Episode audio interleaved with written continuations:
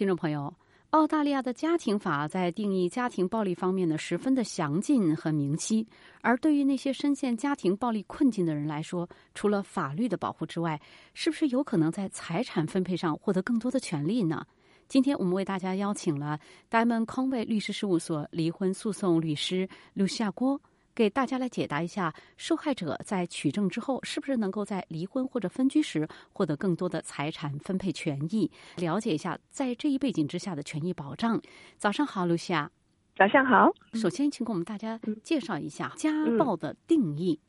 家庭法呢，它对于家庭暴力的定义，实际上是包含了一个非常详细的这个清单的。除了包括通常知道肢体上面对受害人动武、性骚扰、跟踪、破坏财物这些以外，实际上还有包括精神上，比如说隔离受害人与家人朋友的联系啊，从经济上面控制受害人的正常花销，或者限制人身自由等等。嗯，那平时您在处理离婚案件当中最常见的家暴的指控都有哪一些呢？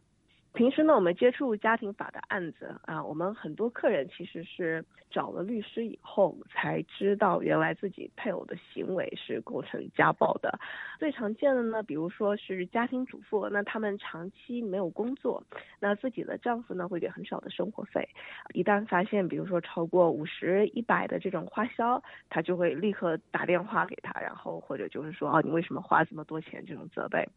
另外呢，就是有的时候自己的配偶没有办法控制自己的情绪，会突然间的暴怒。破坏家具啊，对孩子吼叫啊，这种更有就是很过分的，就是怀疑自己的丈夫或者妻子是有了外遇，然后就算是已经彻底分开住了，那还会去到就是配偶的工作的地方或者是新的地址去跟踪他这些。嗯，平时我们都知道，如果是被打了或孩子自己受到伤害需要报警，那家庭法院和刑事法院是不是都可以处理暴力事件？就他们两者之间的区别在哪儿？这个两个法院呢，它的这个角色其实是很不一样的。首先说一下这个刑事法院，因为在任何情况下，我们是建议就是说，如果一个人的行为令我们感到恐惧，已经非常担心自己的人身安全，我们都应该先报警。警察呢，他会赶到现场了解情况，拿口供。如果警察觉得有必要的话呢，他们会向这个施暴的一方发出一个我们叫做临时的暴力禁止令，暂时约束对方的行为。这个禁止令上面。他会写说啊，你在什么时间去到这个刑事法院去出庭？那呢，刑事法院的法官呢，他的角色就是由庭审来判断施暴者的行为是否已经违反了这个法律。嗯，呃，往往呢，就是这个家庭法院是什么角色？因为这种家暴的行为它发生了以后，夫妻两个这个婚姻关系就彻底的决裂了，就分开了。这个时候就牵扯到了就是如何分割财产啊，那孩子的问题怎么处理？如果双方呢是没有办法。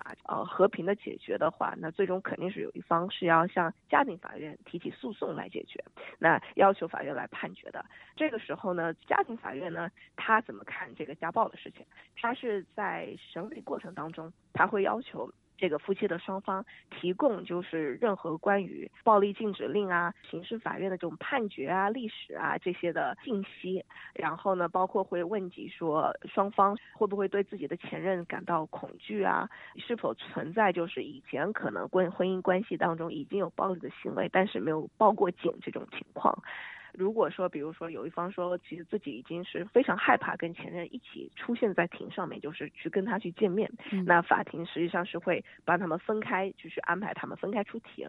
然后会呃在审理过程当中呢，这个家庭法院的法官会根据所有的证据来判断这个家暴的历史对于财产的分割以及抚养权到底有多大的影响。嗯，我们还有的时候是因为已经在家庭法院打官司了，然后大家就非常的。不愉快，然后有一方就对另外一方施暴了。那这个时候，家庭法院有的时候甚至是说，等到刑事法院那边对于这个行为做出了裁定，才会继续家庭法院的案子的审理。嗯，是有这样的一个程序在。嗯，就到了我们今天采访的重点，想要问清楚，在分割财产的离婚官司当中，是不是受害的一方就一定会多分财产呢？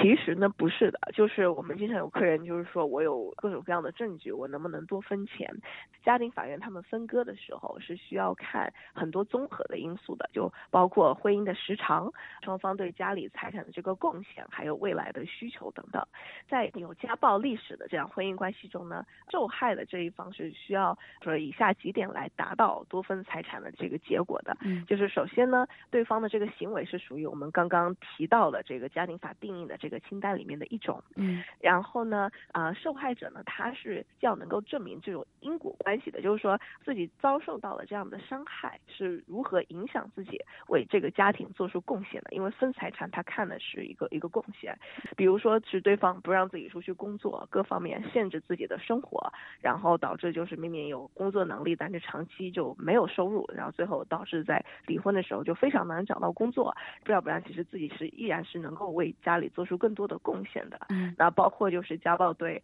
呃孩子的伤害，那导致就是受害的这一方他不仅要顾及自己，然后还要去保护孩子，那这些就让他的这个生活非常的困难，这样子。